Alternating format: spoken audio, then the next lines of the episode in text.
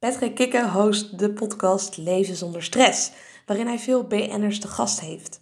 Hij bereikte veel succes als DJ van 3FM en Radio Veronica. Tenminste, dat dacht hij. Want Patrick kreeg op een gegeven moment een burn-out. Het grote succes, zoals dat in de volksmond genoemd wordt, bleek uiteindelijk minder voor te stellen dan hij had verwacht. Tegenwoordig doet hij het wat rustiger aan en legt meer de nadruk op de dingen die het leven uh, voor hem echt waardevol maken, die er echt toe doen. En welke dingen dat zijn, hoe hij zijn succes heeft bereikt en hoe hij daar nu tegenaan kijkt, hoor je allemaal in deze podcast. Nou, ik zit hier met uh, Patrick Kikke en uh, jij bent radio-dj en je bent auteur van het boek Leven zonder stress. Absoluut. Ik ben heel benieuwd, uh, hè, hoe gaan die twee samen? Hoe is dat zo gekomen? Ja, goh, dat is meteen een goede vraag. Um, radio levert stress op. Mm -hmm. Ja, want je zit met allerlei druk en deadlines en reclameblokken die uitgezonden moeten worden en luistercijfers. Bij de, bij de radio is de tarieven die ze voor de reclame vragen hangen heel erg samen met hoeveel mensen jij bereikt. Logisch. Maar ja, daar word je natuurlijk wel op afgerekend, dus dat leverde stress op. Ja. Dus ik ging zoeken naar een remedie tegen stress. Ja, en het werk bij de radio doe je dat al lang? Uh, uh, ja, dat, sinds mijn vijftiende, uh, dus dat is nu meer dan twintig jaar. En ik heb het wel een beetje teruggeschroefd, omdat podcast maken voor mij iets minder stressvol is. Mm -hmm. He, want dit wordt nu ook opgenomen, maar dit wordt niet meteen live uitgezonden. Dat geeft natuurlijk een enorme andere druk dan dat je een live radioprogramma doet. Of bijvoorbeeld zoals platen draaien in een discotheek. Je hoeft maar één verkeerde plaat te draaien op een feest of zo. En, en je ziet gewoon honderd mensen weglopen. Ja, dat doet wel wat met je. Mm -hmm. Dus uh, ik, ik, het is, ik ben een beetje in de transitie aan het maken naar voor mezelf toch wat meer ruimte bieden om te experimenteren. En dat het niet meteen uitgezonden wordt. Dus daarom is dit nu ook bijvoorbeeld niet meteen live op Facebook of zo. Ja, precies. Je zei op mijn vijftiende ben ik al begonnen met de radio. Op mijn vijftiende uh, zat ik op de middelbare school. Uh, jij denk ik ook. Hoe, hoe ben je daar terecht gekomen? Via mijn broer. Die is vier jaar ouder. En die deed dat thuis. Die zat te pielen met bandjes en bandrecorders. En ik was eigenlijk meer een computernerd. Ik zat het liefst achter mijn Commodore 64 uh, spelletjes, nou niet te doen, maar ik was toen ook al aan het programmeren in machinetaal. Ja, en dan zie je toch dat je broer gewoon daar heel veel plezier aan heeft. En dan ben ik een paar keer mee geweest. En toen heeft het virus mij ook gepakt. Ja. En toen? Ja, en toen maar een programmaatje gaan doen. En nog een programmaatje. En toen dacht ik, dat ga ik wel leuk zijn om daar geld mee te verdienen. En toen verdiende ik er ook wat centjes mee. En toen bij de radio gesolliciteerd. In die tijd best wel uniek dat ik met cd's solliciteerde. Want iedereen solliciteerde nog met een bandje. En ik dacht, nee, ik 500 gulden geïnvesteerd. Mijn vader zei, ja, je bent gek. Wie doet nou zoiets? Toen nog guldens, hè. Maar ja, 50... 500 gulden was toen heel veel. was veel geld. Dus 50 gulden per cd. Maar ja, heeft me wel een baan bij de landelijke radio opgeleverd. Dus ik snap jou wel als jij net zegt dat je 20.000 euro in jezelf geïnvesteerd hebt. Ja, dat is... Je zal toch gewoon... Kijk, voor mij is het ook gewoon risico... Dingen proberen en risico nemen. Ik bedoel... Ja, oké, okay, wat als het niet gelukt was? Was dat dan zo erg geweest, die 500 gulden? Dan had ik het erg gevonden als ik, als ik ze op de kermis had verbrast of uh, in de kroeg. Je ja, had het in ieder geval geprobeerd. Ja, ik heb het geprobeerd en het is gelukt. Dus ja, daar ben ik eigenlijk altijd nog wel het meest trots op. Dat me dat als 21-jarige bij de landelijke radio heeft gebracht. Ja, en ik denk dat je daarmee dus automatisch van de rest onderscheidt. Die denkt van, oh, dat ga ik niet doen. Niet doen. Want wat als het niet lukt? Ja, dat. En vooral dat commentaar, hè. Mijn vader was iemand die, is iemand die heel veel commentaar op zichzelf heeft. En dus ook op de omgeving. Ja, ik heb me op de een of andere manier toch nooit ik heb, dat heeft mij juist gemotiveerd om het juist te doen. Ik denk als mensen er commentaar op hebben, dan zit je op het goede spoor. Want wat vond je vader ervan dat je bij de radio ging werken? Ja, dat vond hij natuurlijk op zich wel cool. Want die zag ook wel in, hey, dat is een kans uit duizenden. Mm -hmm. Wat achteraf wel weer, toen ik bij, uh, ik heb een tijdje bij de Tros gewerkt, voor 3FM negen jaar. Toen ben ik naar Veronica gegaan. In de, ik heb ook wel eens een paar maanden niet bij de radio gewerkt. Ja, dan merkte hij wel dat hij meteen zoiets had van, uh, ja, heb je dit nou verprutst, weet je wel? Krijg je dat weer? Mm -hmm. Maar ja, ik heb me daar nooit echt heel erg door uit het veld laten slaan. Het heeft me juist denk ik ook al gemotiveerd. Als ik een vader had gehad die had gezegd van ja, ach, alles wat je doet is toch wel goed. Hè? Dan had je misschien ook gedacht, nou dan kan ik net zo goed gewoon bij de lokale radio blijven. Want ja, dat is toch wel goed. Ja. Dus ja, het heeft allebei de kanten. Hè? Ja, en je zei mijn 21 werd toen aangenomen. En, en, en uh, net vertelde je ook van ja, dat, het geeft best wel wat druk. Ja. Merkte je dat al snel? Nou, in beginjaren niet zo, maar dan ben je ook jong en dan, dan maakt het je ook allemaal niks uit. En in beginjaren doe je ook natuurlijk nog niet echt de uren waar het heel erg om gaat. Hè? Dus de, de, Ik deed de, eh, de, de, in het begin in de nacht en dan mag je eens een keer s'avonds een programmaatje doen. Dan mag je in het weekend. Maar op een gegeven moment groei je door naar de vrijdagmiddag of naar de ochtendshow, weet je, bij Veronica. Ja, en dan, dan gaan wel hele andere belangen meespelen. Dan, dan is er zelfs een moment dat ze gewoon een zaaltje huren. Dan zetten ze 25 luisteraars in. En die laten ze fragmenten uit jouw radioprogramma horen. En die mensen moeten met zo'n potmeter moeten ze naar links en naar, naar min en naar plus draaien. Om aan, op een grafiek te laten zien wat ze eigenlijk van jouw programma vinden. Mhm. Ja, dat, is, dat doet natuurlijk wel wat met je. En was dat positief of negatief? Ja, sommige dingen positief. En je zag soms na twee minuten de aandacht verzwakken. En dan wist je van, nou, je moet het eigenlijk korter houden, dat item. Dus je had er ook wel wat aan. Maar ja, ik vond het wel heel confronterend. Want ik, ik dacht, dan laten ze op vrijdagmiddag mensen iets horen wat ik op maandagochtend heb uitgezonden. Totale andere beleving. Maandagochtend 6 uur, dan voel je je anders dan vrijdagmiddag 3 uur. Ja. Ja, dus dat heb ik toen ook wel gezegd. En daar werd ook wel een beetje rekening mee gehouden. Ja. Nou ja, radio dus. Ja, en podcast, dat is mijn nieuwe liefde. Mhm. Eigenlijk samen, de twee eh, bij elkaar. Ja, want hoe ben je daar... Hè, je, je werkte eerst fulltime dan bij de radio. Hoe ben je toen begonnen met podcasten? Ja, ik was een van de eerste in Nederland met een website met grappige filmpjes. Kikker.com. Of je dat nog wat zegt. Ja, het is misschien net voor jouw tijd. Maar je had natuurlijk vroeger nog geen YouTube en Dumpert en zo. Dus met op al die scholen zat iedereen op Kikker.com. En in het begin zette ik daar video op, plaatjes. Maar toen dacht ik, ja, daar kan je ook audio op gaan zetten. Dus ik ging stukjes uit mijn radioprogramma knippen. Was ik wel een van de eerste mee. En die zette ik op kikker.com. Dus en dat ging dan weer rond via e-mail en bluetooth van telefoon naar telefoon. En toen dacht ik, ja, dat kan ook langer. Je kan ook speciaal voor internet stukjes gaan opnemen. Dat werd in het begin 10 minuten, kwartiertje, 20 minuten. Ja, het fenomeen podcast bestond eigenlijk pas in 2004, 2005.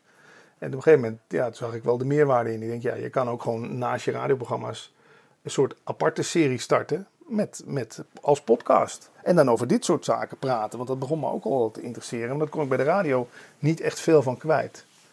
De dingen van Tony Robbins, Brian Tracy, Eckhart Tolle, noem ze maar op. Daar hadden ze bij de radio, dat ze, ja, daar heb het daar maar niet te veel over. Ja, en hoe ben je daar dan wel mee in contact gekomen met die, die thema's als Tony Robbins? Ja, ook wel een liefdesrelatie volgens mij die niet heel lekker liep. Dat gaat dan zeer doen, hè. En dan ga je, zoek je naar een medicijn. In principe denk je eerst van spiritualiteit is iets wat me, zeg maar, buiten de. Uh, uh, wat, me, wat een soort omweg om de pijn heen is. Hè? Tenminste, zo dacht ik het eerst. Want ik merkte ook als ik Eckhart Tolle zat te kijken, of Wayne Dyer zat te luisteren, of Deepak Chopra, noem ze maar op. Dan werd ik rustig van binnen. Ja. Dan voelde ik dat liefdesverdriet even niet, of dan voelde ik die stress even niet. Ik denk, hé, hey, dat is interessant. Maar goed, opletten dat het niet een soort spirituele bypass wordt. Hè? Dat je denkt, nou, ik ga om die pijn heen en dan Precies. kom ik op die rustige plek. Dus ik heb door de jaren heen aardig wat pijn gevoeld. En ja, bij de radio werd het eigenlijk steeds. Ja, dat is natuurlijk logisch. Iedere business wordt het allemaal. Je gaat van twee uur met producer naar drie uur met producer, naar vier uur met producer, naar vier uur zonder producer. Snap je? Eh, Bezuinigingen. En ik merkte op een gegeven moment, denk ik, ja, dit jasje gaat wel heel erg strak zitten nu. Eh, Dus toen heb ik ook besloten, ja, ik wil gewoon wat meer voor mezelf gaan doen. En een podcast, weet je ook. Wij kunnen nu beslissen om morgen samen een nieuwe podcast te starten. Daar hoeven we niet een baas voor te bellen. Er hoeft niet een aandeelhoudersvergadering over belegd te worden. Nee, het is heel vrij. Ja, en dat, ja, vrijheid is sowieso een thema in mijn leven. eh, dus dat, ja, da- daarom vind ik dat internet ook zo prachtig. Je kan doen eh, tot bepaalde mate, maar je kan best wel veel zelf gewoon bedenken en doen. Ja, precies. En toen ben je je eigen podcast gaan begonnen. Dat, dat heette nog niet altijd Leven zonder stress, vertelde Nee, je net al. ik ben begonnen met praten over bewustzijn. Dus over de non-dualiteit filosofie. Samen met een eh, vriend van me, Paul Smit. Toen dacht ik, ja, ik wil ook andere mensen over non-dualiteit gaan interviewen. Toen heb ik de podcast Non-dualiteit nu gestart. Maar ja, non-dualiteit is zo'n abstracte term. Daar, daar, ja, dat, dat, in principe heb ik het er nu nog best wel vaak over. Alleen stress en leven, ja, dat klinkt mensen gewoon veel bekender in de oren. Dus die rebranding, dat zou ik ook wel mensen willen adviseren. Durf ook gewoon te rebranden. We hebben de podcast Praten over Bewustzijn. Nu waren we van Spotify gegooid, omdat er blijkbaar muziek in zat. Heb ik hem opnieuw gelanceerd. Nu heet hij Filosofie met Mayonaise. Ik denk, ja, what the fuck, waarom mag... Ik kan het toch gewoon een nieuw logo, een nieuwe naam geven. Wat maakt er nou uit? En ik zie ook meteen dat, ja, dat, dat, dat spreekt weer andere doelgroep aan. Dus dat zou ook mijn advies zijn. Eh, Durf gewoon eh, te experimenteren. Durf jezelf opnieuw uit te vinden. Ja, en als je iets hebt gedaan en het werkt niet 100%, hoef je er niet meteen helemaal mee te stoppen. Rebranden of reframe. Het is bij de radio ook trial and error. Hè? De leukste radio-items zijn ooit bedacht En gewoon geprobeerd en dat werkte niet. En proberen we het een dag later doen het op een iets andere manier. Nu slaat het wel aan, nou proberen we het zo. Niet dan denken, ja, maar dat kan ik toch niet maken, want we zijn nu op dit pad. Dus we kunnen nu niet het andere. Nee, tuurlijk kan dat. Waar, staat dat geschreven? Dat je niet een zijpaadje mag pakken of uh, een totaal ander bos mag gaan verkennen. Ja, is dat ook een beetje de brug tussen ondernemen en aan de radio, uh, bij de radio werken? Dat je je eigen regels mag bepalen? Absoluut. En ja, ondernemen is volgens mij gewoon risico nemen. Is, is niet bang zijn.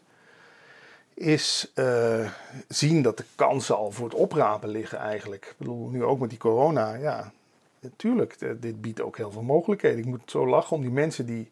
Ik bijvoorbeeld de mensen die die, die, die borden maken met anderhalve meter. Ja, dat is een gouden tijd nu voor ze. En dat gun ik zo. Ik denk, ja, het is niet alleen maar kommer en kwel. Precies. Ja, en welke kansen zie jij zelf? Welke... Ja, voor mezelf persoonlijk. Mm -hmm. nou ja, het geeft me sowieso meer rust. En ik denk, vanuit rust creëer je toch denk ik het beste. Je, weet je, als het moet, Natuurlijk, een bepaalde urgentie is wel nodig. Maar pak ook eens even dat uurtje om eens even te gaan mijmeren. Dat deden we vroeger toch ook veel. Want ineens, ping, is daar het idee. Hè? Ja. En had je dat idee ook gehad als je krampachtig was gaan zitten? Net als een brainstorm. En nu moet het komen. Ja, dat lijkt wel alsof het dan gewoon niet komt, hè? Ja, je kan niet creatief en productief tegelijkertijd zijn. Nee, nee. Creativiteit is iets dat popt op en ik heb vaak, ja, ik ben dan zelf, jij bent een ochtendmens, ik ben iets meer een nachtmens. Ik heb me ook wel eens laten uitleggen dat je nier of je lever werkt s'nachts om één uur op zijn meest of zoiets. En daar zit blijkbaar creativiteit ook in. Ik heb vaak wel dat ik om één uur s'nachts ineens een idee krijg en dan schrijf ik het gauw op en of ik spreek het in. En dan dacht nou blijkt soms dat het helemaal geen goed idee was. Dat kan natuurlijk ook. Maar, en ik ben ook wel gewoon van het lanceren. Weet je, ik heb, ik heb uh, misschien wel 50 projectjes lopen. En ik weet dat mensen altijd zeggen focus, focus, focus. Maar ja, ik heb, vind ik zelf, ik ben meer van het proberen. En soms slaat iets aan en soms slaat iets nog niet aan. Maar dan heb ik het wel al in de week gelegd. Ja. En dan heb je kans misschien daar over twee jaar. Kijk, want jij, jij bent ook een snelle denker. Soms denk je ook te snel vooruit. Misschien kom je nu wel met een idee wat pas over drie jaar past of zo. Nou, leg het dan maar vast in de week. Wat maakt het uit? Claim alvast die domeinnaam of... Uh, maak alvast een, uh, een, een, hoekje op het internet ergens. Ja, ik vergelijk het als met mensen erg je niet spelen. Je kan één poppetje zes laten gooien en het hele bord rond laten gaan. Of je doet het gewoon per groepje en er is geen goed en er is geen fout. Ja, op meerdere paarden wedden, dat vind ik ook altijd wel een, gewoon een goeie. Ik merk het aan mijn broer nu, die zit wel redelijk in de stress. Want die is eigenlijk alleen nog maar discjockey.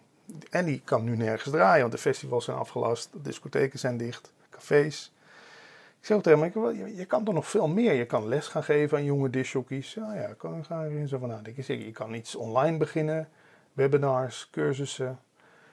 Maar vaak pas als, als het eigenlijk al een beetje te laat is, gaan mensen er mee aan de slag. Hè? Je kan toch al van tevoren gewoon. Ja, ik, ik, vind ook, ik vind ook raar ondernemers die nu al na een maand geen geld meer hebben denk je, maar hoe heb je dan, dan heb je toch niet echt vooruit zitten denken, hè? Nee, nee is dat ook iets belangrijk, wat voor jou belangrijk is? Dat Absoluut.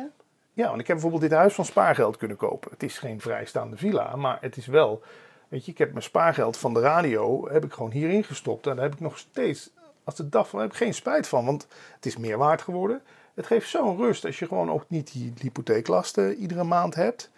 En ja, dat heb ik wel. Eh, omdat ik wist, er komt, je verdient nu heel goed bij de radio, maar er gaat ook een tijd komen. Dan, gaan ze, dan gaat John de Mol alles opkopen en dan gaan ze knibbelen op alles. Nou, we weten allemaal wat er gebeurd is bij de radio. Ja. John de Mol heeft de vier grootste zenders. En die heeft dat, doet dat echt niet, omdat hij denkt, zo gaan ik iedereen nog eens even heel veel geld betalen. dus ja, ik, ik, ik ben wel van het vooruitdenken, ja. En niet zozeer vanuit angst, maar meer vanuit, ja, je weet dat, hè, de, wat zeggen ze wel eens, de enige constante is verandering. alles is in verandering. En dan te denken van ja, maar mijn leven blijft wel de komende 40 jaar zo'n beetje nog hetzelfde. Ja, dat is natuurlijk eigenlijk een illusie. Dat zou ik ook saai vinden. Ja, en als ik je vrouw ook zo hoor, je, je denkt erover na en je handelt er ook naar. Het is niet dat je dan erover nadenkt van, oh, het zou het wel eens allemaal mis kunnen gaan. Ja. En ik ga gewoon door met wat ik nu doe. Ik vind dat als je onderneemt, moet je ook gewoon een buffertje hebben. En, en, niet op meerdere, eh, en wel op meerdere paarden wedden. En gewoon ook durven meebewegen. Nou, dan geef je, geef je bedrijf een andere naam. Uh, rebrand en ga andere dingen erbij doen. Ik bedoel, ik vind zo'n KVK-inschrijving, ja, die, bij mij zou die ook nog veel langer kunnen. Weet je, dan moet je zetten wat je allemaal doet. Hè. Mhm. Maar ja, ik vind ook bijvoorbeeld podcasts opnemen eh, tegen betaling. Dat zou je ook nog kunnen gaan doen. Hè? Dat ze jou inhuren als interviewer of mij. Of uh, ik heb hier die setting. Nou, je wil voor je bedrijf een leuke podcast. Kom maar langs. Ja, kan natuurlijk allemaal. Is het ook een stukje mindset dat jij die mogelijkheden veel meer ziet? Ja, ik denk dat het... Ja, ook durven te zien, denk ik. Want ja, voor mij, bij mij gaat het wel een beetje in het extreem hoor. Dat zie je ook wel hier op die zolder. Overal staat iets, overal hangt iets. Ik zie al gauw. Kijk bijvoorbeeld dit. Een microfoontje wat afgebroken is. Iemand anders had het misschien al lang weggegooid. Maar als je heel eerlijk bent, zou dit. Misschien wordt dit wel de logo van mijn nieuwe bedrijf. Snap je ik bedoel? Ja. Ik bedoel, het, het, ik, ik, het, is vaak, het zit hem in kleine details. In het hotelwezen zeggen ze dat ook altijd. Hè? Het verschil zit hem in de details. Dat chocolaatje op dat kussen, dat maakt het verschil voor degene die de kamer bezoekt. Maar dat is ook letterlijk het verschil tussen het ene hotel en het andere Juist. hotel. En ja, ik ben wel van, gooi niet te gauw dingen weg. Ga niet te gauw, uh, uh, ook visitekaartjes bijvoorbeeld. Dan ga ik eens opruimen. Vind ik een oud visitekaartje van iemand. dan ga ik die eens googlen. En dan kom ik op zijn website. En dan zie ik, dan zie ik bijvoorbeeld iets. Ik denk, dat is fantastisch wat die man doet. Of uh, wat hij bedacht heeft op zijn website. Dat je, dat je al meteen een online vragenformulier kan invullen. Of, en dan is dan gewoon een simpel visitekaartje wat het stof op zat, weet je wel? Ja. Dus ik, ben, ik zie het allemaal als een soort kleine schatten die overal verstopt zitten. Dus ik, ik ben, uh, maak gewoon een, pak soms ook gewoon eens een oude doos. Weet je, keep hem eens om. En ja, daar, daar ligt daar toch voor een ton aan inspiratie. Ik weet niet of jij dat ook hebt, maar ik kan daar helemaal daar kan, ik, daar kan een idee voor een nieuw boek uit ontstaan. Daar kan, en dat gebeurt vaak ook. De kleinste, een zinnetje, een quote, een sticker. Voordat we verder gaan met de podcast wil ik je even iets heel tofs vertellen. Namelijk dat ik bezig ben met het schrijven van mijn boek over topsportmentaliteit alle geheimen die de podcaster zowel voor als achter de schermen hebben gedeeld. Mijn kennis als psycholoog, mijn eigen ervaring als coach en als topsporter deel ik in dit boek met jou. In het boek kan je helemaal gratis bestellen.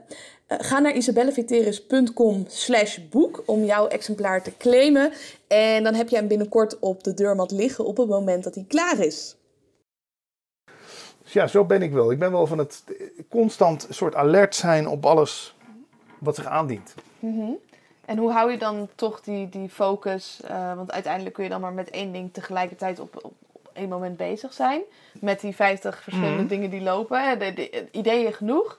Uh, hoe maak je een selectie? Dat is wel een uitdaging. Nou, ik kijk vooral naar gewoon toch wat slaat aan. En daar richt ik me op. Ik bedoel, uh, dat heb ik met draaien in de discotheek al ge, geleerd.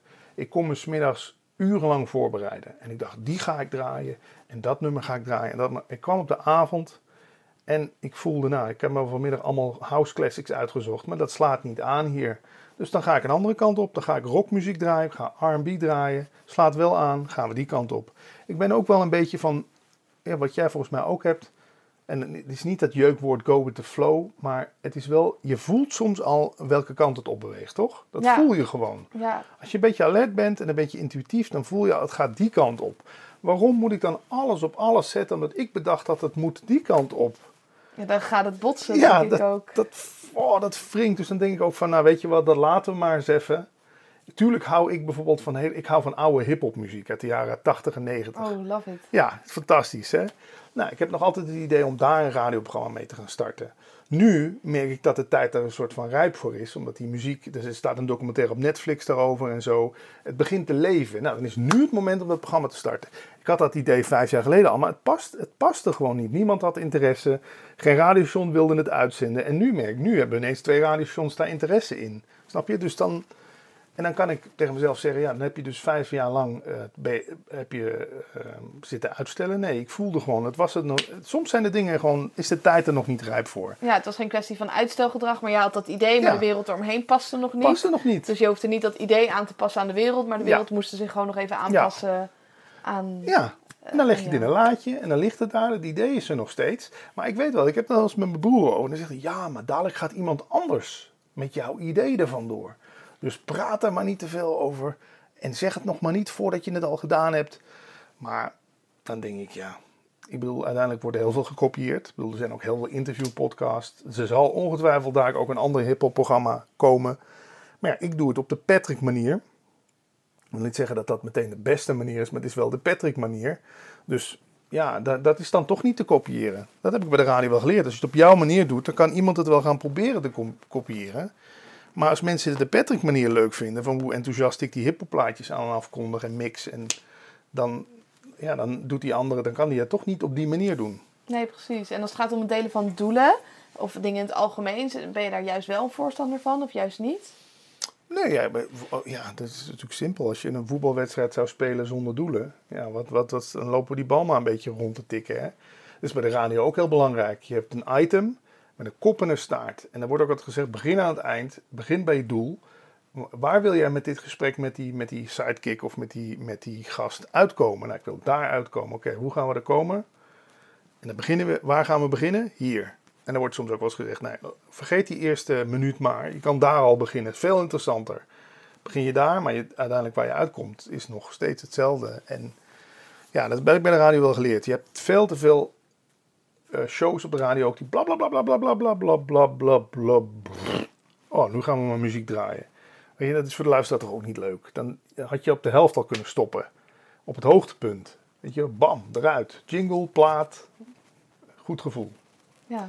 Ja, dus dat is wel iets. Uh, maar ik bedoel, het is wel zo, merk ik, als je al wat financiële onafhankelijk, onafhankelijkheid hebt gehad, moet je opletten dat dat je niet doelloos maakt.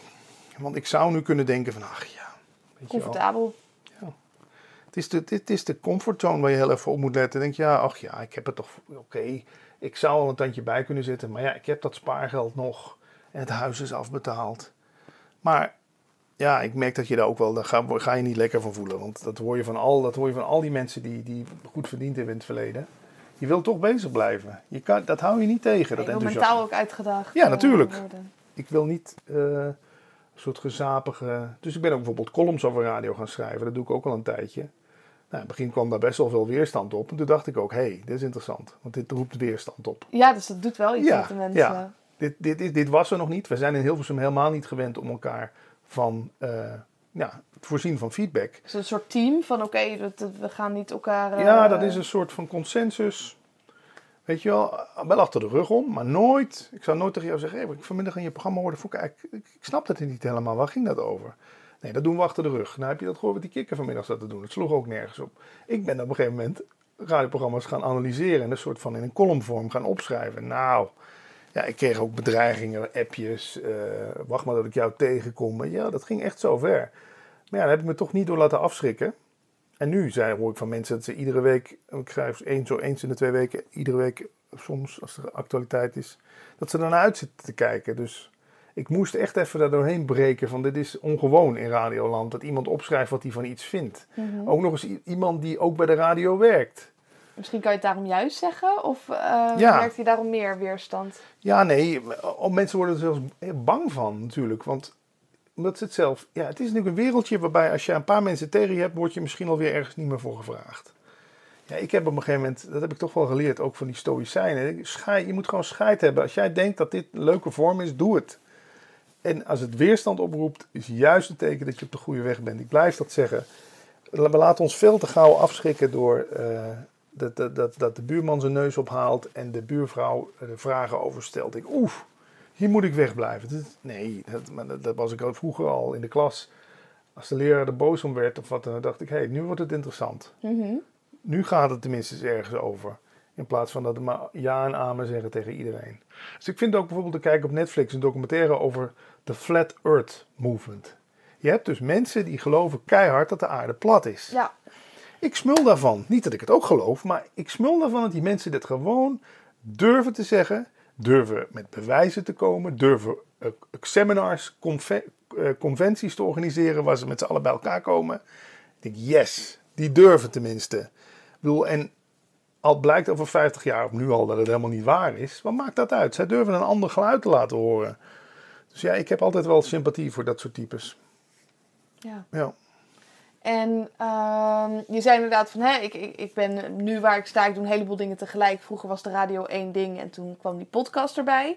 Um, en dat ging dus over, over die thema's. Uh, via een relatie was je daarmee uh, in contact gekomen. En net op je, op je ego-toilet noemde je dat, je ego-paleis, las ik ook uh, nou ja, heel veel interviews over zichtbaarheid, maar ook dat op het gebied van stress, dat het je niet altijd zo goed is afgegaan. Een paar keer een burn-out Um, gehad, ja. Zou je er iets meer over willen vertellen? Ja, wat, wat moet ik beginnen? Ja, dat is toch ook wel, omdat je emmertje een beetje vol loopt natuurlijk. Je hebt heel veel op je bordje. Alles is ook interessant, hè. Je gaat dat doen, dat doen, dat doen. Maar ja, je, je, op een gegeven moment, ja. En ik merkte dat die burn-out voor mij een soort wake-up call was van... hé, hey, je zit nou eigenlijk iets te doen wat, wat je eigenlijk niet meer zo leuk vindt. Wanneer was je eerste? Uh, hoe? De eerste was in 2011. Mm -hmm. Ja, een tweede keer in 2015, nu vijf jaar terug. Overigens, van die, van die laatste in 2015 kan ik nu pas zeggen dat ik daar enigszins weer de oude ben als daarvoor. Toen ben ik ook wel echt negen maanden lang, veel te lang over mijn grenzen heen gegaan. Maar ja, ik zie dat ook wel als leergeld. Ik bedoel, dan weet je nu toch ook dat dat niet de bedoeling was. En uiteindelijk heb ik er financieel nog wel wat aan over kunnen houden. Dus ja, ik, ik ben wel, ik zie niet zozeer dat het, het fouten zijn in het bestaan. Nee. Dat, dat had toch, zegt mijn moeder, dat had toch niet mogen gebeuren. Ja, maar waar staat dat geschreven? Ja. Ik ben juist blij eigenlijk dat het toen gebeurd is. Want dan was, anders was ik nog langer ongelukkig gebleven in die situatie.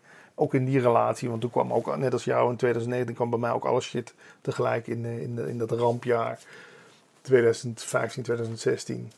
Ja, uiteindelijk heeft dat wel een boel opgeruimd ook. Ja, dus je hebt wel andere keuzes gemaakt, uh, omdat je met de neus op de feiten gaat. Ja, ik, ik, kon niet anders. Hey, zonder crisis geen ontwaken, zeggen ze dan in spiritualiteit. Daar geloof ik wel in. Maar heb je ook die crisis dan nodig? Of zou je ook wel eerder die stappen kunnen zetten?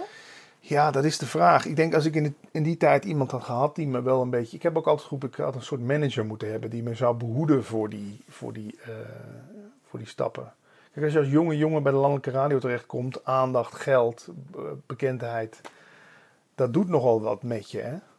Dus daarom ik... Ik ben ook bij een artiestencoach daarna uh, gaan lopen.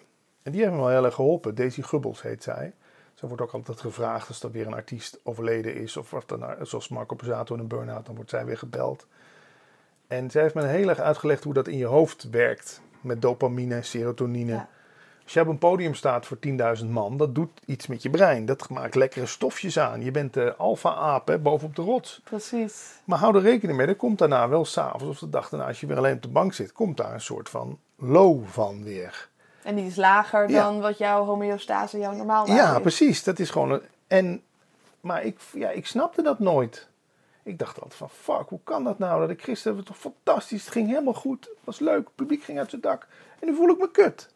Nou, dan moet je ook maar even net weten, hè, dat dat dus met die, met, dat, met die hormoonspiegeling, uh, of met die, dat, met die dopamine uh, te maken heeft. Ja, en zo heeft ze me nog veel meer dingen geleerd. Dus ja, die artiestencoach had wel een paar jaar eerder mogen komen, ja. En was het ook echt kennis wat ze je leerde of ook wat je ermee kon? Ja, meerdere dingen. Zij coacht ook bijvoorbeeld jonge vloggers. En daar hoor, ik kreeg die namen niet te horen, maar ik kreeg wel door hoe zij daarmee omging. Ik zit dus te denken wat ze nou voor een tips nog meer gegeven heeft. Uh, ze zei ook bijvoorbeeld van, ben jij ook nou het type die dan in de reacties... twintig mensen zeggen dat het een fantastische avond was... maar die ene die zei van, ik vond er geen reden aan. Ja, zeg ik, ja, tuurlijk springt hij er dan bovenuit. Zeg, ja, waarom stel dat een hele goede vraag. Waarom springt hij er dan bovenuit? Ik zeg, ja, omdat die opvalt. Ja, waarom valt hij er dan op? Ik zeg, ja, omdat hij iets raakt in mij. En dan kwamen we erachter dat ik toch ook nog wel wat destructieve overtuigingen over mezelf had. Mede doordat ik toch vaak van mijn vader hoorde van... het wordt toch nooit wat met jou. Ja, dat zit, slaat zich toch wel ergens op. Al die overtuigingen die je hebt. Ja, en ik ben het niet waard. Dat heb ik ook heel erg herkend. Daar hebben we het in de podcast die we met jou hebben opgenomen... voor Leven zonder stress ook over gehad. Op een gegeven moment denk je, ja, dit klopt niet. Ik ben hier zo succesvol, maar ik voel me eigenlijk een loser. Ja, dat is dat imposter syndroom, ja. dat je bang bent. Ja, dat, dat mensen er echt achter komen. Ja. ja, dat herken ik ook wel. En hoe, hoe daar dan niet aan toe te geven, dat je denkt, nou, laat de boel dan maar weer helemaal in elkaar storten. Dan kom ik in ieder geval weer uit bij hoe ik, hoe ik zelf over mezelf denk. Ja, dan, dan klopt wat je doet en wat je denkt ja. in ieder geval. Ja, daar heeft zij mij heel erg mee geholpen. En ja, nou, precies te zeggen wat nou echt... Uh, ze stelde gewoon hele goede vragen. Ik denk dat dat ook een goede coach moet doen. Ja. Ze gaf mij niet kant en klaar, uh, doe het zo of zo. Nee, ze stelde mij steeds meer vragen, waardoor ik zelf in de terugweg in de auto, inderdaad, zat, ja, dat snijdt, ze wel, dat snijdt wel hout wat ze zegt. Ja, en krijg je dan ook meer inzichten als iemand gewoon de vraag stelt en je het zelf mag bedenken? Denk ik wel.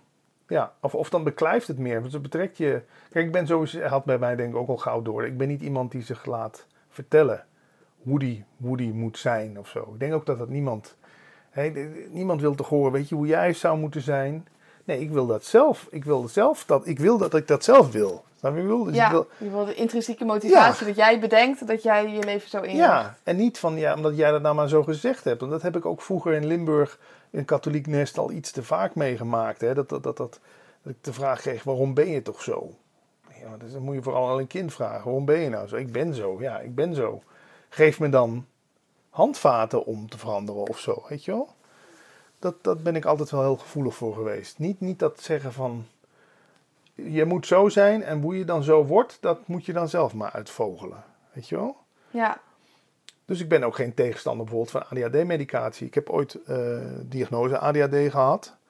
En eh, ik ben zelf wel gestopt met die pillen, want ik kreeg te veel last van die bijwerking. Maar ik was wel blij met de diagnose. Want dan krijg je handvaten. Nou, dit, dit, dit en dit en dit. Mijn vriendin heeft nu ook net de diagnose gehad. Nou, die slikt wel Concerta. Er gaat een wereld voor de open. Veel meer focus, veel meer uh, minder afleiding.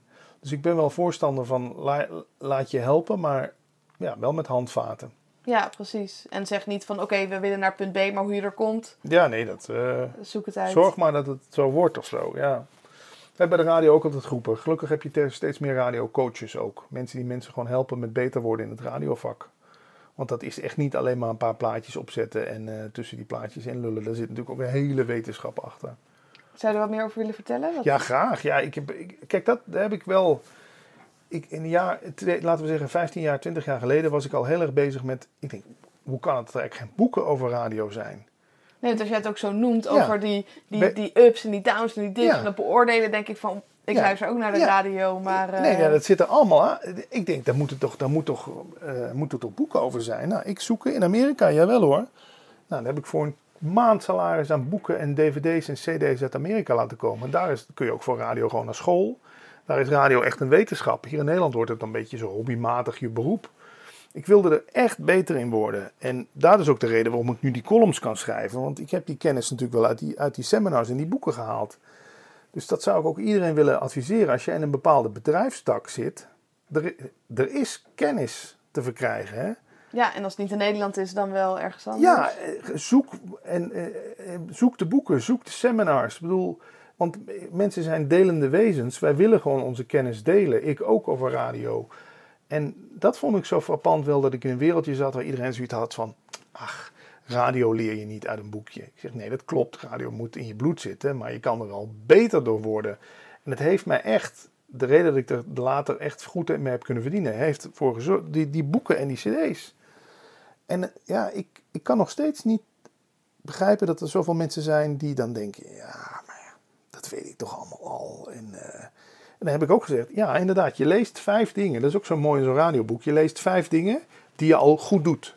Maar dat geeft jou zelfvertrouwen, want je leest: dit doe ik al goed, dit doe ik al goed, dat en dat en dat. Oh, hier kan ik misschien eens naar kijken. Nou, ik, ik kreeg vleugels door die, door die boeken. Dat was Welke dingen haalde jij er dan bijvoorbeeld uit? Ja, nou, er staat bijvoorbeeld een hoofdstuk hoe met mensen aan de telefoon om te gaan. Weet je wel? Nou, uh, ik, uh, je hoort toch vaak als iemand een prijs wint, en hoor je wel eens, jij gaat op vakantie naar Las Vegas. En hoor je iemand aan de telefoon, oh ja, ik zal eens kijken of ik, dan, of ik daarheen kan of zo, weet je wel. Nou, wordt de disjockey boos, zegt hij, ja, kun je niet eens wat enthousiaster reageren. Daar zijn trucjes voor. Je, kan een, je moet zo iemand aan het begin, voordat hij in de uitzending komt, als je het live doet, moet je hem instructies geven. Zeg je, nou dan zeg ik dit en dit en dit. En dan doe jij dat. En dan schreeuw maar gewoon alles bij elkaar. Weet je, je kan iemand helpen. En dan, hoe je daar adequaat op reageert. Ja, en ook dat je het anders invult voor iemand van, oh, die ja, zal wel niet blij want die, want die snappen, die weten niet hoe dat, die komen bijna nooit op de radio, die weten niet hoe dat werkt. Dus pak zo iemand bij de hand en vertel hem van, joh, ik ga, dit en dit gaan we daar doen. Ik ga dan dat zeggen. En dat werkt als een trein. En dan kijk ik altijd van ja, de, de bedrijf wil toch dat de hoofdprijs bij jou weggegeven wordt. Want jij hebt altijd zo van die enthousiaste bellers. Hoe komt dat eigenlijk dat je altijd van die enthousiaste bellers... Ja, maar het staat hier toch zwart op wit hoe je je beller kan coachen. Maar ja, de, het, ik merkte wel dat er veel collega's... Dat, loop je de boel weer te foppen, zei toen eens een keer een, een collega tegen mij hoezo is dat foppen? Zo'n man komt beter tot zijn recht op de radio. De, het bedrijf wat de prijs weggeeft is blij. Ik ben blij. De baas is blij. Het is leuk. De luisteraars vinden het, iedereen vindt het leuk. En dan noem jij het foppen. Dus ja, dat is wel iets wat me met de radiowereld soms nog wel eens een beetje tegenstond. Daarom schrijf ik nu ook die columns. Er, wordt vaak gedacht, nou, maar dat, we doen het toch altijd al zo. Nou, dan reageert een beller, maar niet leuk. Ja, ik kon me daar moeilijk bij neerleggen. Ik dacht, daar, moet, de, daar moet toch wetenschap. En, dat, en het was er. En dat, en dat motiveert me nog steeds. Dat ik denk, dat je kan, je kan nog altijd beter worden. Al doe je het 50, 60 jaar. Het is altijd iets wat je leert. Ja, en ik denk dat er ook zeker wat transitie zit in het reguliere leven. Dat bepaalde skills die je leert voor de radio, van iemand aan de hand even meenemen. Uh, merk je dat zelf ook? Absoluut, daar heb ik met die interviews natuurlijk ook uh, uh, profijt van gehad. Kijk, ik, ik weet ook, ik heb de grote sterren allemaal wel geïnterviewd. Robbie Williams, Lenny Kravitz, Brian Adams, John Travolta. En daar heb ik ook geleerd, het gaat om gelijkwaardigheid, weet je wel. Het mag dan wel in jouw beleving zo'n ster zijn, maar hij wil, vindt dat ook niet fijn als jij zo tegen hem gaat opkijken. Gewoon rustig een praatje maken. Ik nam altijd een cadeautje mee. Robbie Williams gaf ik een shirt van het Nederlands elftal. nou, die ontdooide helemaal. Weet je wel, die was, ik was meteen, hij vroeg meteen nog met een wilde voetballer na het interview. En ja, die skills die leer je inderdaad bij de radio, maar die leer je natuurlijk ook gewoon in het dagelijks leven. Het gaat allemaal om gelijkwaardigheid en elkaar uh, durven aan te kijken, durven de verbinding te maken.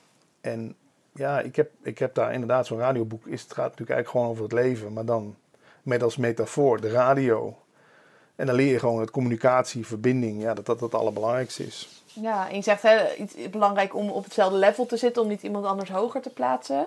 Gaat dat je makkelijk af of was dat echt een, een inzicht voor jou? Ja, dat heeft wel moeite gekost, want dat, het wordt je natuurlijk ook door de maatschappij aangeleerd dat je hoge lagen hebt. Ja, en, en oh, dat is iemand hoor die hier nu binnenkomt. Maar ja, op de een of andere manier lukt me dat altijd wel.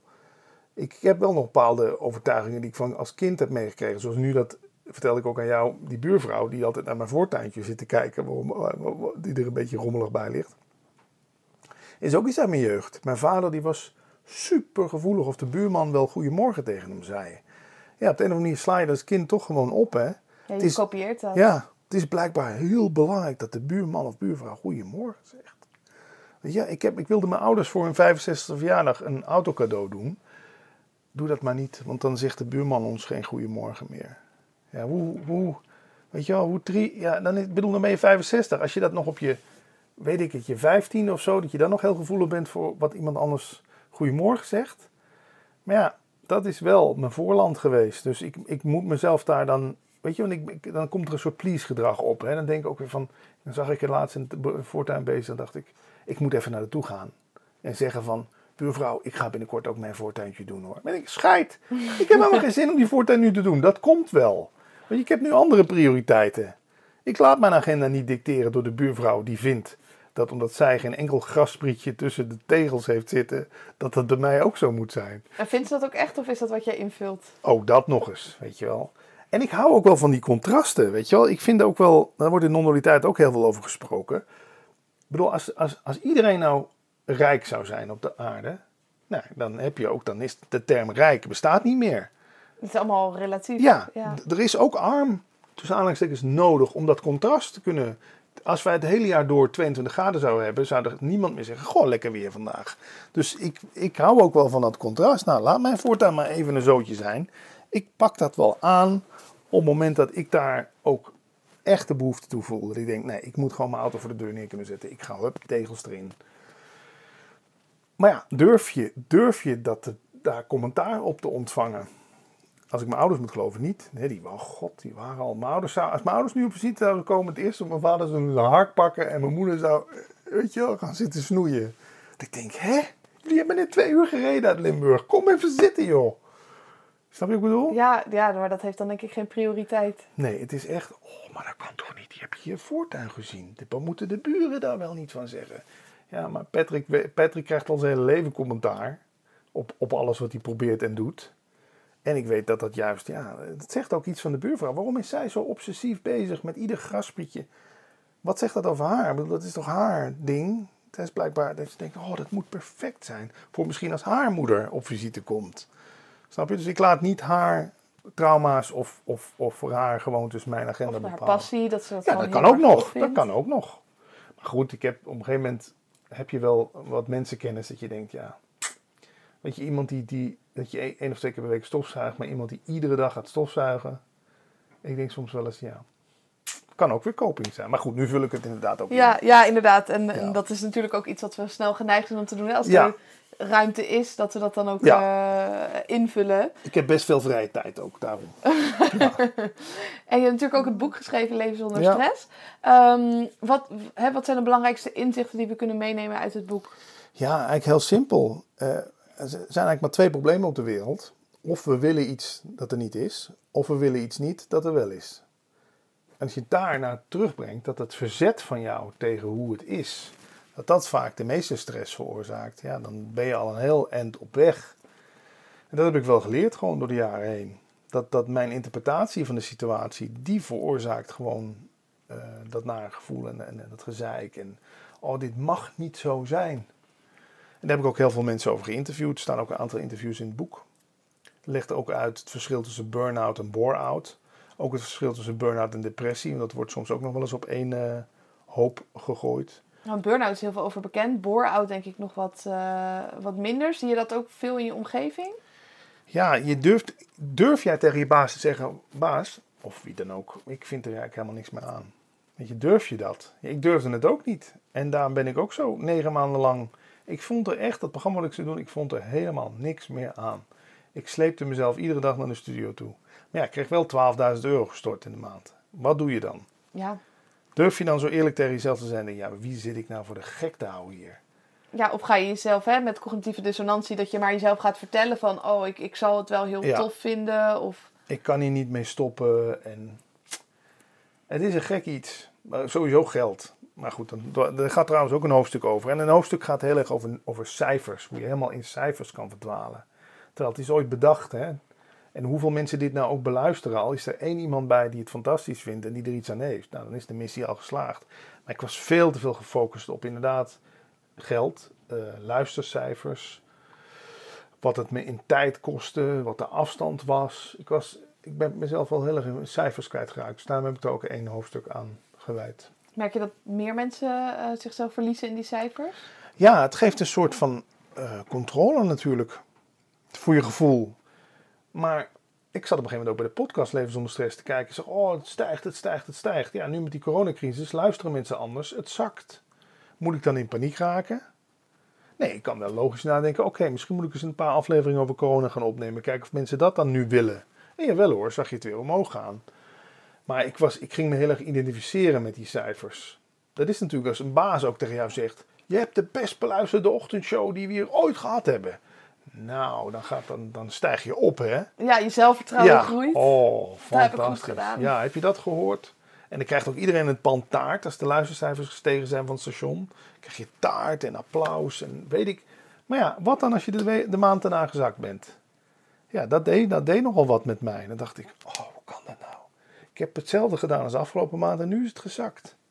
Ja, omdat ze bij Q Music een, een hele grote reclamecampagne hadden. Of ze hadden bij 538 een weggevenactie. Win een reis naar de maan, weet ik veel. Het, het is niet alleen maar aan jou hoe goed het gaat. En ja, ik, ik kon daar moeilijk mee omgaan. Ik, wat, het is bij mij begonnen op de lagere school. Ik was altijd de beste van de klas.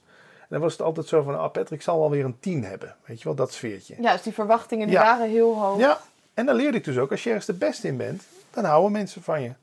Ja, want ik was de beste van de klas, kreeg aantjes over mijn bol van iedereen. Ik ging met rapport, kreeg overal geld, doosjes Lego. En ja, probeer maar eens met radio altijd de beste te zijn. Het, het, het, kan niet. Ik bedoel, het fluctueert, fluctueert als het maar een beetje zo omhoog gaat. Maar ik dacht, oh, sjoe, het moet als een raket. Ja, Ja, en dat, nou ja, dat leer je dan gewoon. Maar dat is wel een valkuil. Maar daar wordt natuurlijk ook veel met, met, met eh, targets op gehamerd. Groei, groei, groei. Ja, het is echt resultaatgericht. Ja. In plaats van dat proces van ga je maar verdiepen in die boeken. Ja, Ga maar eh, jezelf verbeteren. ja en zorg dat, dat het een soort eh, vast, dat het huis gewoon stevig staat. En dan komen er vanzelf nieuwe verdiepingen op.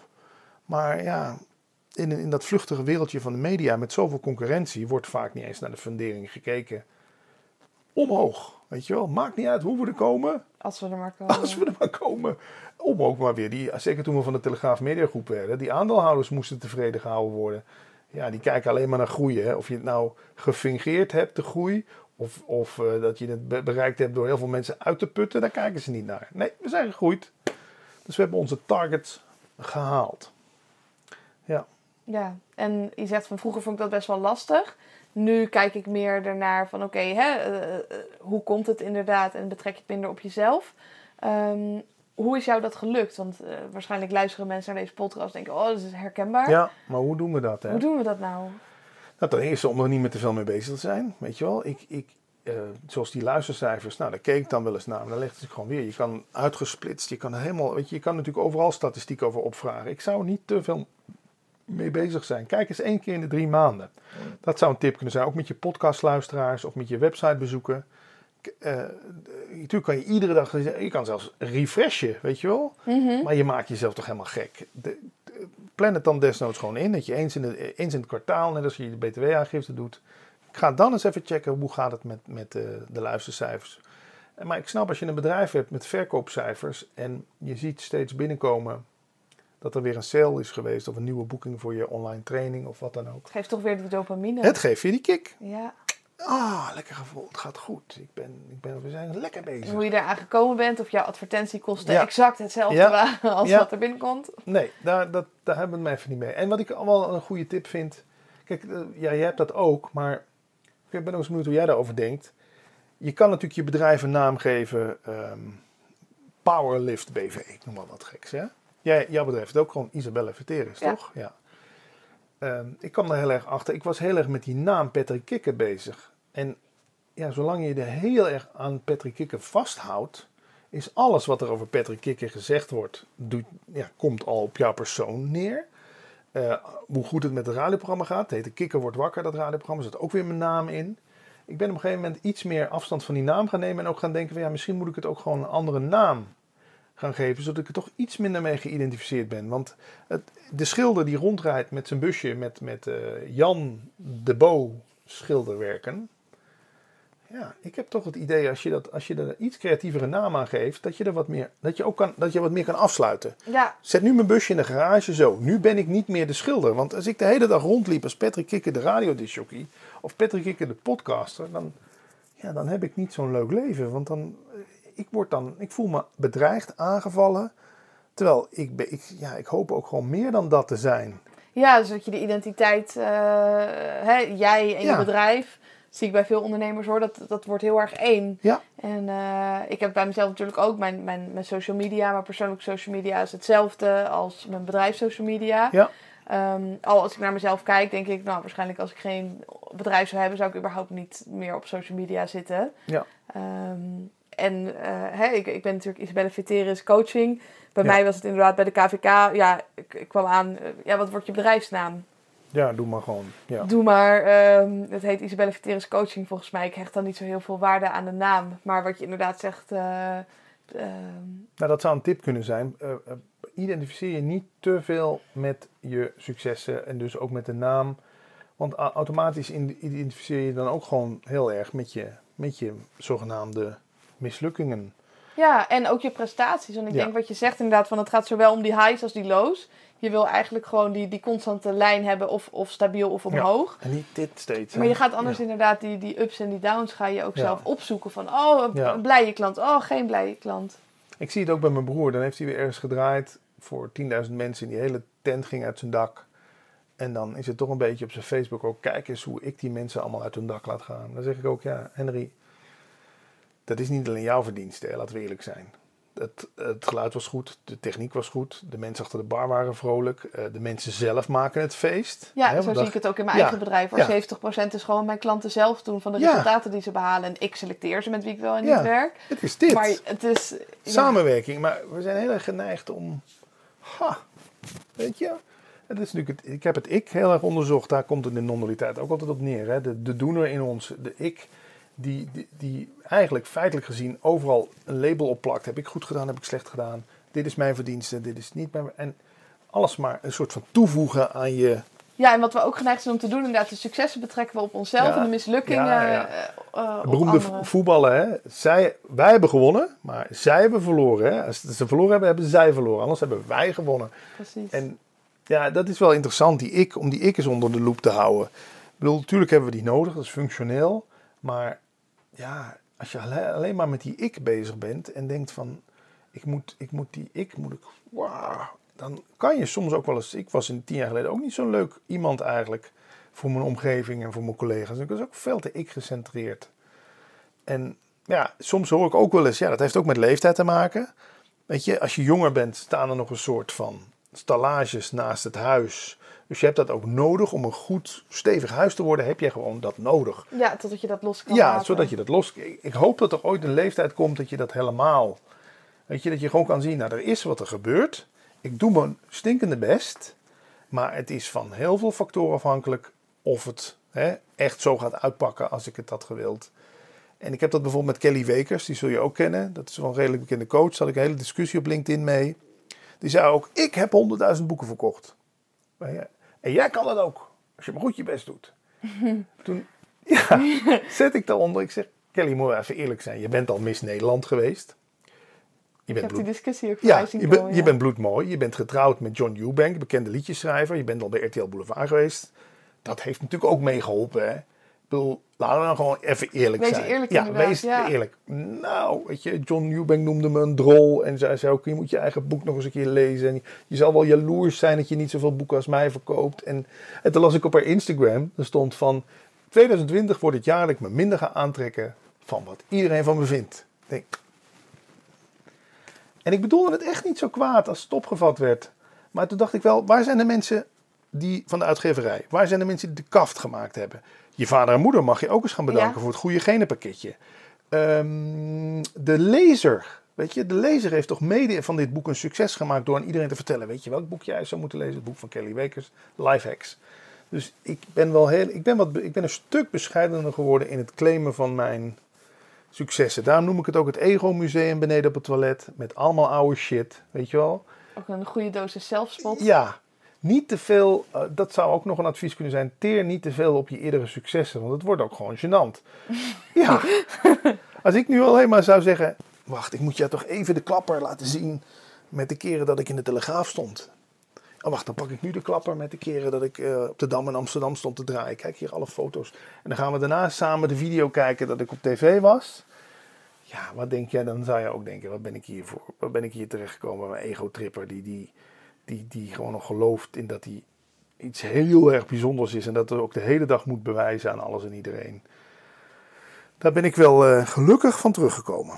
Ja, ja, en als je het dan hebt over identiteit, vind ik het altijd mooi je- dat je dan uiteindelijk inderdaad die fundering aan de zijkant los kan laten. En dat je in de kern, los van of je nou DJ bent of zoals ik Ja. topsporter, dat je gewoon goed genoeg bent. Dat is het. Dat, er, dat je in de kern al, dat je, dat je bestaat, dat dat al een wonder is. En ik wil niet al te filosofisch of, of spiritueel worden, maar dat dit, dit, dit vernieuwt zich nu, weet je wel. En dan wat jij het ook over had, die rijkdom die we hebben, weet je wel. We hebben een huis, we hebben, een, we hebben mooi weer, we hebben eten genoeg. En, en dan zitten wij ons altijd maar te focussen op die 3% of zo. Van ja, maar ik had toch, ik had toch net wat meer abonnees op mijn nieuwsbrief moeten hebben, want ik ben er nog net niet. En dat heeft Eckhart Tolle me mooi geleerd, schrijver van de kracht van nu. Voor het ego is het nooit, is het nooit compleet. Weet je wel? Nee, je vindt altijd wel een nieuwe berg die je wil beklimmen. Het is een soort boomloze put waar je van alles in blijft gooien.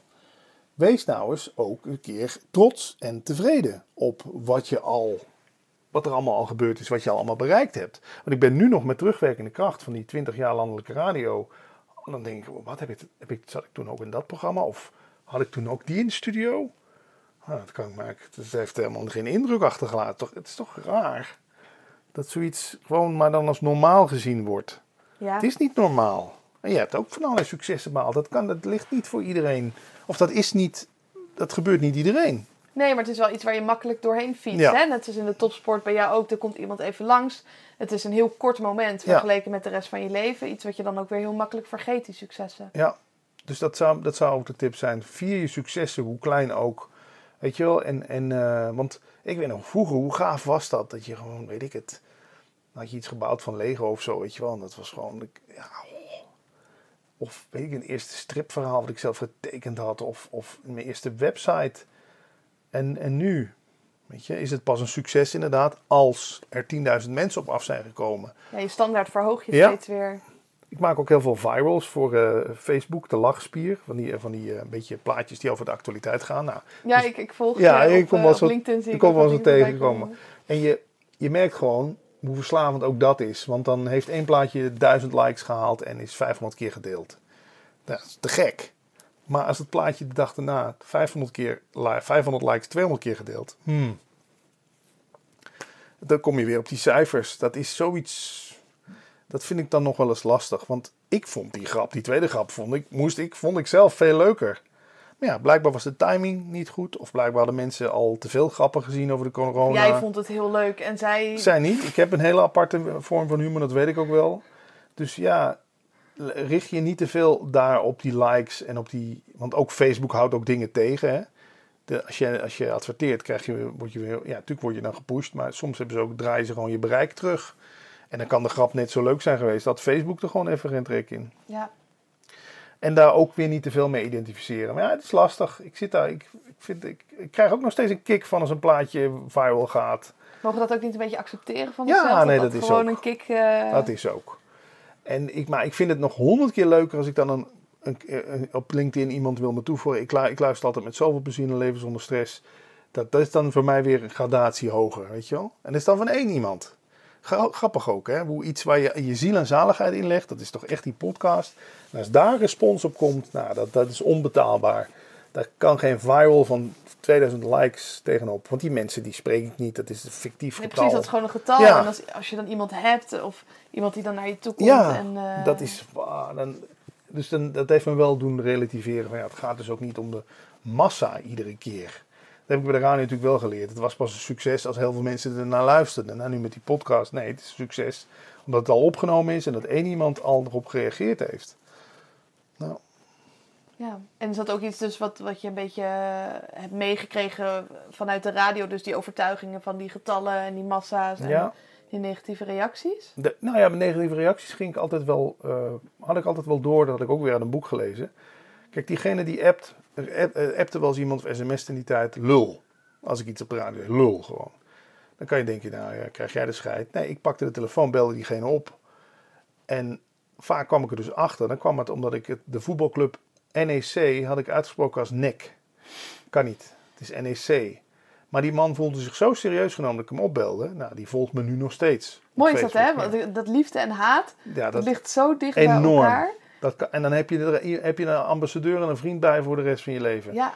Dus als ik een advies mag geven, als je inderdaad iemand hebt. Kijk, je hebt natuurlijk wel mensen die doen het erom. Die willen bijvoorbeeld uh, geld terug en dan gaan ze gewoon proberen, uh, weet ik het. Of die willen iets grappigs zeggen. Ja, ja. maar echt de, de, de korte kritiek. Ik zou diegene gewoon eens even, mag ik je even bellen? Want ik ben gewoon eens even benieuwd wat, wat hierachter zit. En 9 van de 10 keer kan je er ook nog wat mee. Want nu weet ik inderdaad de rest van mijn leven dat ik NEC niet als nek moet uitspreken. En dat behoedt mij dus ook van om ooit nog eens een keer die fout te maken. Dus ik heb kritiek bij de radio heb ik altijd wel uh, serieus genomen. Vooral van de luisteraar, want voor hem doe je het natuurlijk. Precies. Ja. ja. En als je nu ook nog voor de toekomst kijkt, en je hebt al heel veel dingen gedaan en je bent ook met een heleboel dingen bezig. Welke doelen liggen er nog voor jou? ik zou nog wel een boek over ADHD willen uitbrengen. Omdat ik toch merk dat, dat doe ik ook een podcastserie over praten. Of Leven met ADHD heet die. Ik merk dat daar toch ook nog wel winst te behalen valt. Dat er, dat er uh, ik wist bijvoorbeeld sinds kort pas dat ADHD bij mannen en bij vrouwen, dat het tot, zich totaal anders uit. Uh, nou, de voor- en tegenstanders van pillen slikken. Mhm. Ik vind het zo grappig dat je beweging hebt van mensen die zelf zeggen: Hoera, ik heb ADHD. Dus die die echt zien als een plus. Ja, ja precies. Net als autisme, dat uh, kan ook. Hè? Je hebt zo'n hyperfocus. Dat je er echt die kwaliteit van kan maken. En daar zou ik nog wel eens een boek over willen uitbrengen. Dus ik denk dat dat een. En ik toch een boek over radio. Omdat ik, ja, ik vind het jammer dat het in Nederland nog geen stuurrichting is, bijvoorbeeld. Hoe gaaf zou het zijn om echt een radioschool... Er zijn wel initiatieven geweest, maar die zijn allemaal wel... Ja, je hebt ook DJ-scholen, ja, dus waarom waar ze kunnen eh, leren mixen. Dat, zou, dat, zou nog wel, uh, of dat zijn wel de dingen die uh, op de agenda staan. Maar ook daar is het weer, de tijd moet er wel rijp voor zijn. Nu met die columns heb ik eigenlijk al een soort pad bereid... waardoor geaccepteerd is in de media dat er ook over radio kritisch geschreven wordt. En ook gewoon complimenten, maar ook gewoon dat er, nou, dat er op dat er inzichten over gedeeld worden. En nu zou misschien de tijd rijp zijn voor een boek over radio in Nederland. Ik denk een jaar of tien geleden. En er zijn boeken van radiomakers, maar die gaan natuurlijk alweer alleen maar over, over hoe bijzonder ze zijn. En kijk eens wie ik allemaal ontmoet heb. Ja. ga eens in op wat zou, nou, wat zou je nou beter kunnen doen op de radio. Er zijn zoveel dingen over te, over te vertellen. En voor podcasters net, net zo. En ik, daarom heb ik ook heel veel mensen die podcast maken, zou je ook die radioboeken kunnen lezen. Want interviewtechnieken staan erin. Dingen over editen, dingen over een vraag stellen. Je kan er heel veel van leren. Ja. Ja, ja en hè, stel dat iemand naar deze podcast luistert en die denkt van... joh, ik heb zelf ook super veel stress... En ik wil ook wat, wat chiller in het leven staan. Wat zou dan een tip zijn die je zou willen meegeven? Vertragen toch. Kijk eens, hou eens bij wat die stress veroorzaakt. En inderdaad, soms zijn het simpele dingen. Tien minuten eerder vertrekken, als je ergens naartoe moet, dat levert al zoveel rust op. Maar we zijn natuurlijk ook heel erg ingesteld op efficiëntie. Ik heb dat ook. Weet je, ik ben ook net als jij. Jij gaat daar ook nog hier naar iemand anders in Vinkenveen. Hè? Want je, je bent er toch al. Ja. En zo ben ik ook. Ik ben ook altijd van, ik denk, oké, ik heb die en die afspraak. En dan heb ik nog een uurtje over. Nou, dan kan ik in dat uurtje kan ik wel. Maar ik weet ook, als ik dat uur nou eens even vrij laat. Want het loopt toch altijd uit anders. Weet je, je hebt het niet allemaal in de hand. En dat, dus heel veel stress is zelf bezorgd. Omdat je gewoon, je denkt efficiënt bezig te zijn. Door alles maar vol te plannen. Maar ja, zorg voor ruimtes in je, in je schema. Want echt, dat levert je zoveel op. Als ik nu gewoon na dit gesprek weet, dan moet ik even van afschakelen. Dan kan ik even een half uurtje buiten in de zon gaan zitten. Dat half uurtje buiten in de zon, dat, dat lijkt misschien onwaardevol. Hè? Want je verkoopt niks, je neemt niks op. Nee, dat gaat er wel voor zorgen dat ik de rest van de avond gewoon uh, veel ja, energieker en productiever ben. En, en überhaupt leuker om mee om te gaan. Dus dat, veel stress is echt zelf veroorzaakt door maar altijd op die telefoon. Ik vind het zo cool dat jij gewoon geen 4G-abonnement hebt. Ja, dat, dat brengt me ook weer op een idee. Want inderdaad, hoe vaak zit ik niet in de auto. Oh, dan komt het appje weer binnen. Ja, oh, die wil weer bellen. En, of die wil weer dat ik meteen reageer. Nee, als niet kan, dan kan het niet. Jij bent nu gewoon niet bereikbaar via de app. Nee, dat weten mensen ook. Heerlijk. Ik vind het echt een goed idee. dus durf inderdaad er ook in weer gewoon de norm. Durf. De norm is blijkbaar nu dat we de hele dag bereikbaar zijn. Ja, mensen vinden het ook bizar dat ik dat niet heb. Ja. Ze echt vragen, hoe doe je dat? Ja, maar... Doe je dat? Twintig jaar geleden hadden we dat ook niet. Twintig jaar geleden heeft me iemand eens verteld, een vrouw die was getrouwd met een dokter, die kreeg toelagen, die kreeg bereikbaarheidsdienst. Die was bereikbaar, dus die kreeg extra geld daarvoor dat die altijd bereikbaar was. Ja. Wij doen nu net alsof dat normaal is, maar heel veel dingen zijn natuurlijk niet normaal. Ik ben ook wel blij dat we nu nog maar 100 op de snelweg mogen en dat we nu ook zeg maar met die coronatoestand, dat sommige dingen gewoon dadelijk, stel je nou eens voor dat binnenkort in een restaurant gewoon niet meer zo druk is. Hoe fijn zou dat zijn?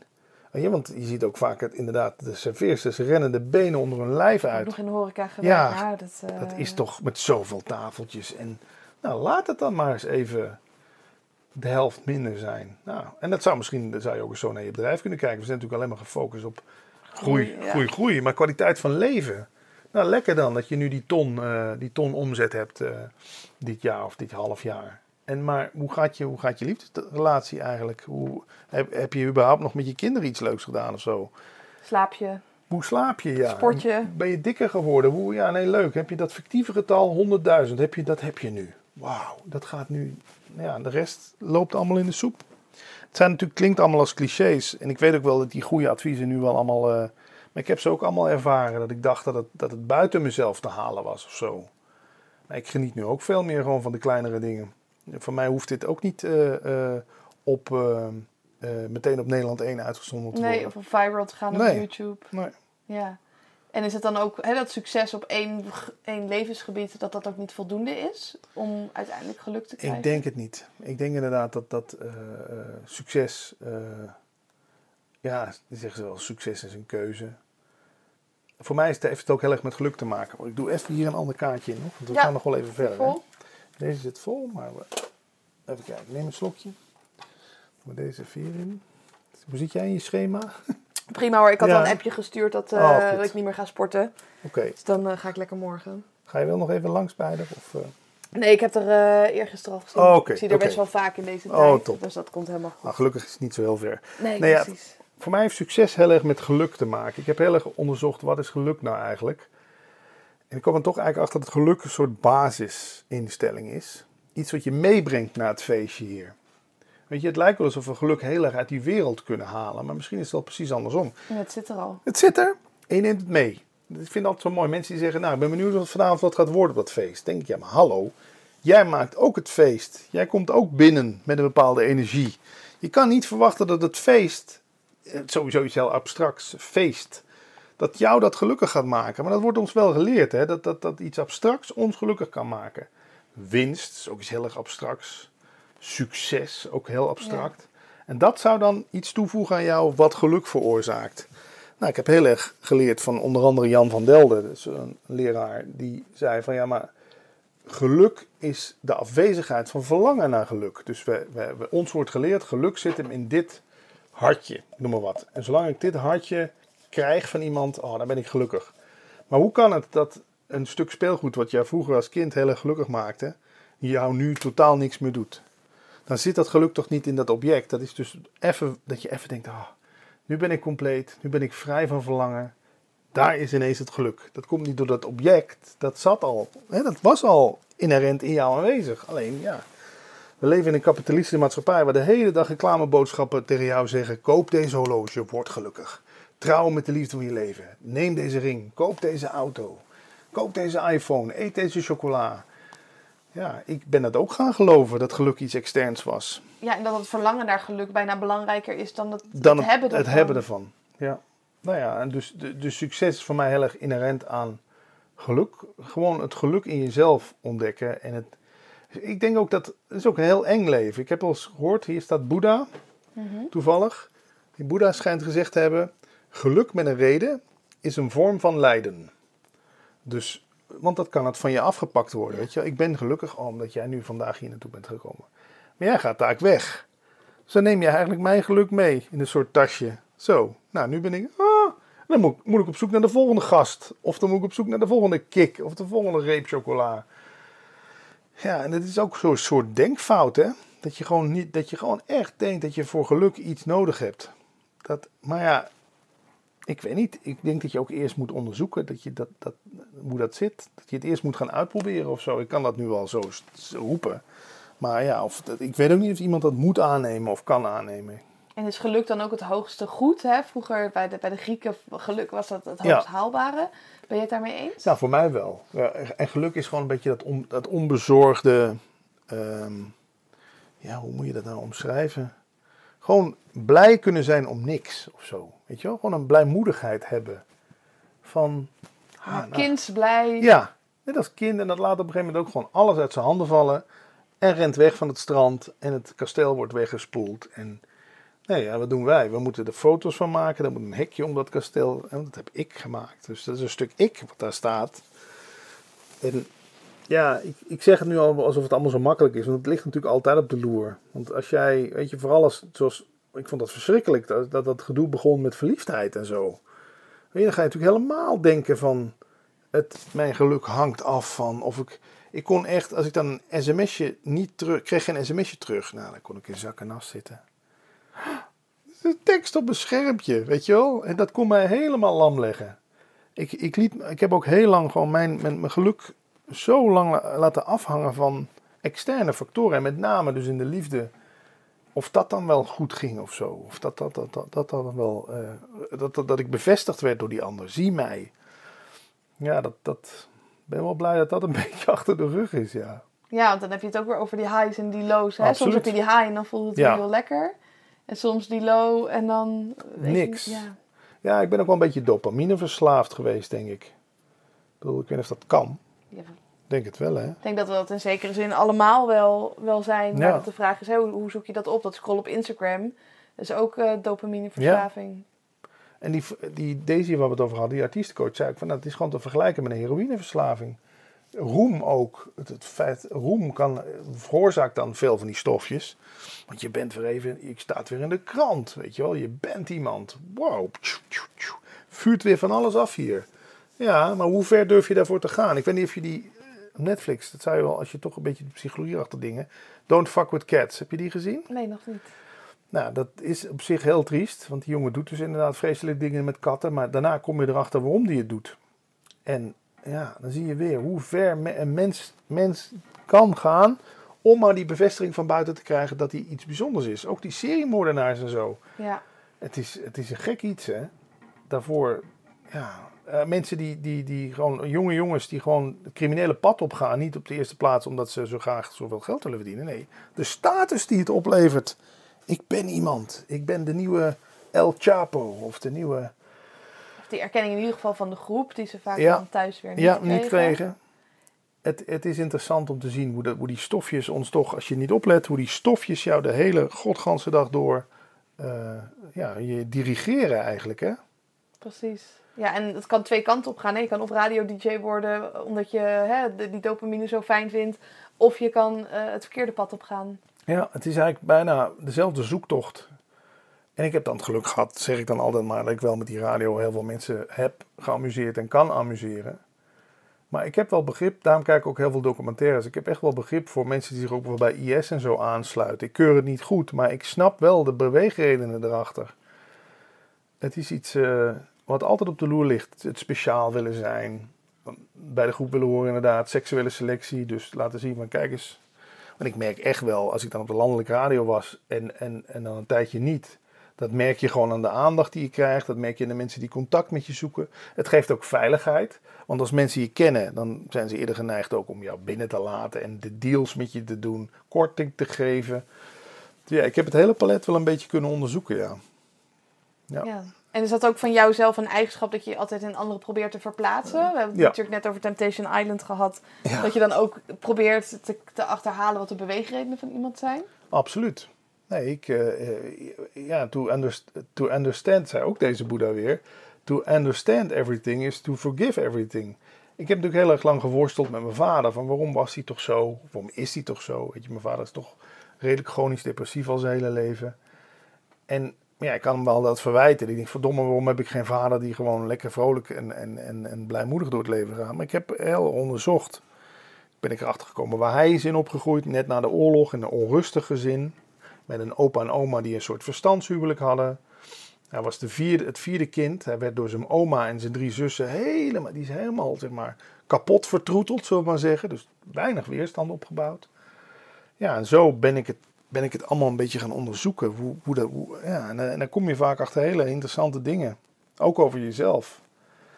En het heeft me ook weer geholpen. Dat ik dacht, ja, zo wil ik dus niet worden. Ik wil niet op mijn 65e ook zo angstig door het leven gaan. Ja, want je zegt, je bent kapot vertroeteld en daardoor ben je heel angstig geworden. Uh, ik, ik, zag dat zelf bij uh, de luizenmoeder, dan noemen ze dat de curlingouders. Oh, die zo alle problemen zo ja. wegcurlen. Waardoor kinderen helemaal niet meer weerbaar zijn. Dat als er iets gebeurt, weten ze eigenlijk niet meer hoe ze daarmee om moeten gaan. Is dat iets wat je zelf ook ziet? Nou ja, ik, ik heb het zelf natuurlijk ook wel meegemaakt. Ouders die, die dan zeggen, ik ga naar Maleisië, een vriend van me opzoeken. Doe dat niet. Ze stoppen drugs in je koffer. Weet je, dat was hun eerste reactie. Ja, dan toch daar doorheen breken en zeggen van... Ja, dat is jullie angst, wat nu op mij geprojecteerd wordt. Ik ga het gewoon doen. Maar ik merk het aan mijn broer, die woont nog steeds bij mijn ouders in de straat, nummer 11. Die gaat nog steeds, iedere, bijna iedere dag als hij thuis is en niet bij zijn vriendin, gaat hij bij mijn ouders eten, weet je wel. Mijn moeder strijkt nog steeds zijn uh, hemden voor als hij weer moet optreden. En niet om de, ja, bedoel, het is ook wel weer lief, maar ik denk, ja, maar je bent bijna 50. Weet je wel, je kan toch niet... Knip die navelstrengen. Dat zegt hij zelf ook nog wel eens. Ik moet toch die navelstrengen een keer gaan doorknippen. Ja. je bent bijna 50. Precies, het is op korte termijn is het heel lief, maar soms is het juist heel lief om iemand los te laten. Ja, nee, dat is jouw pak, Jan. Weet je, mijn ouders ook met belastingaangifte, ieder jaar weer. Heb je? Ja, bemoei je er niet mee. Bellen ze jou ook nog op? Ja, ja. Oh, ja, voor jou ook, ja. Nee, nee, nee oké. Nee, mijn vader die was vroeger belastingadviseur. Maar die vraag ik bewust niet voor dat soort dingen. Ik denk dat moeten we ook gewoon gescheiden, gescheiden houden. Dus ik heb zelf iemand ook voor mijn belastingen. Ja. Ik denk dat moet niet uh, allemaal door elkaar gaan lopen. Het, is, het ligt zo op de loer. Want het is natuurlijk ook wel, in mij zit ook wel een stuk gemakzucht. Dat denkt, nou is toch lekker als je ouders meehelpen met je belastingaangifte. Ja, Tuurlijk, dan heb jij je stok achter de deur. Ja, maar het is niet normaal, of normaal, maar het is niet gezond gewoon. Die, dat moet op een gegeven moment gewoon. Daarom heb ik het geluk gehad dat ik ver weg uit Limburg verhuisd ben. Dus ze kunnen nu ook niet. Maar anders stonden ze hier mijn voortuintje te doen hoor. Geloof me. En nu, laat mij maar gewoon met dat voortuintje dealen. Dat is mijn pakje aan. Ik bepaal hoe ver het gaat en hoe, eh, of, of ik er zelfs bijvoorbeeld, stel het zou escaleren, ruzie met mijn buurvrouw voor over heb ik bepaal dat zelf. Ik moet niet hebben dat jij al voor mij, voor het geval dat ik misschien gedoe met de buurvrouw zou krijgen, ga jij alvast mijn voortuintje. Ja, of met die buurvrouw praten oh, van, joh, ja, zeg maar niks Ja, zeg maar niks van, want uh, hij bedoelt het goed hoor. Maar dan neem je mij ook niet serieus. Dan, dan wil je bijna niet of ik volwassen word, hè? Dan hou je mij eigenlijk klein. Ja, ja precies. Terwijl de intenties goed zijn. Hè? Ze willen lief zijn, maar wat ze eigenlijk inderdaad doen, is dat ze je klein houden en je belemmeren in, uh, in je groei. Ja, dat is echt zo. Dus ja, het zijn toch alweer een hoop uh, levenslessen in één keer. Ja, zeker. Ik vond het leuke gesprekken. Ik vond het zeker leuk. Ja. ja. Maar ga nog door als je nog andere dingen wil weten. Ja, ik, ik denk dat ik alles wel heb gevraagd wat ik uh, had opgezocht uh, en in mijn hoofd had. Dus uh, hartstikke bedankt in ieder geval voor het gesprek. Jij ook. En leuk dat we ook het andersom gesprek gevoerd hebben. Ja, heb je dat al vaker gedaan? Ja, wel een paar keer eerder gedaan. Ik merk dat dat goed werkt. Want dan mensen die bijvoorbeeld dit gesprek horen en denken... Hey, dan wil ik toch eens even horen wat, zij, wat hij aan haar gevraagd heeft of zo. Ja. En ik vind het ook wel weer, dan kom je weer bij die gelijkwaardigheid. Ik vind wel, ja, niet, niet om de, in de zin van, ik heb net een uur naar jou zitten luisteren, nu moet jij een uur naar mij luisteren. Maar ik merk als je, als je de rollen omdraait, ja, dan verandert de dynamiek ook iets anders. En, en, en vaak krijg je namelijk tijdens, als je geïnterviewd wordt, krijg je ook al vragen. Die je denkt, oh, dat zou ik ook wel zullen weten hoe jij daarnaar kijkt. Ja, ja, precies. En dan heb je nu de ruimte gehad uh, om, om, om, om het terug te vuren. Dus uh, nee, ik hou wel van deze. En met wie heb je het nog meer op die manier gedaan? En met Atjana. Oh, leuk. Ja, ja. ja. en uh, nou, met Thijs nog niet. De, Thijs heb ik afgesproken. Uh, als Thijs je heeft alleen jou geïnterviewd ja, dan. Als, je, als je boek er is, oh, dan draaien we de rollen even om. En dan, nou, ik weet niet. Ik, vind, ik merk ook wel podcasters is een bepaald type mens die op zich al nieuwsgierig is, geïnteresseerd in de ander, vaak zelf al aardig wat boeken en, en dingen gedaan. Dus het, is ook gewoon, zijn ook gewoon leuke mensen, merk ik, podcasts. Uiteindelijk eigenlijk stiekem gezegd veel leuker dan radiomakers omdat radiomakers toch, ja, het is natuurlijk ook iets. Ik misschien nog één anekdote mag vertellen. Er is zo'n radioguru uit Amerika die zei: Kun je dat gevoel nog herinneren dat je voor de allereerste keer die microfoonschuif opendeed en dat je te horen was op radio? Ja, ja dat weet ik wel. Oh, ik voel hem meteen weer, zegt hij juist. Dat gevoel gaat eigenlijk nooit weg, zegt hij. Dat heb je je hele carrière door. Alleen we raken er steeds beter in, omdat een soort van, oh, te overschreeuwen dat doet mij niks. Al luisteren er een miljoen mensen. Ik doe dat wel even. Dat gaat niet weg. Nee. dat zit er nog steeds. En daarom kom je in de radiowereld ook heel veel overcompensatie tegen. Ik heb het zelf ook gedaan, weet je wel. Je nog meer oppompen, nog stoerder doen dan de ander. Oh, dat doet mij niks. Terwijl je van binnen kapot gaat.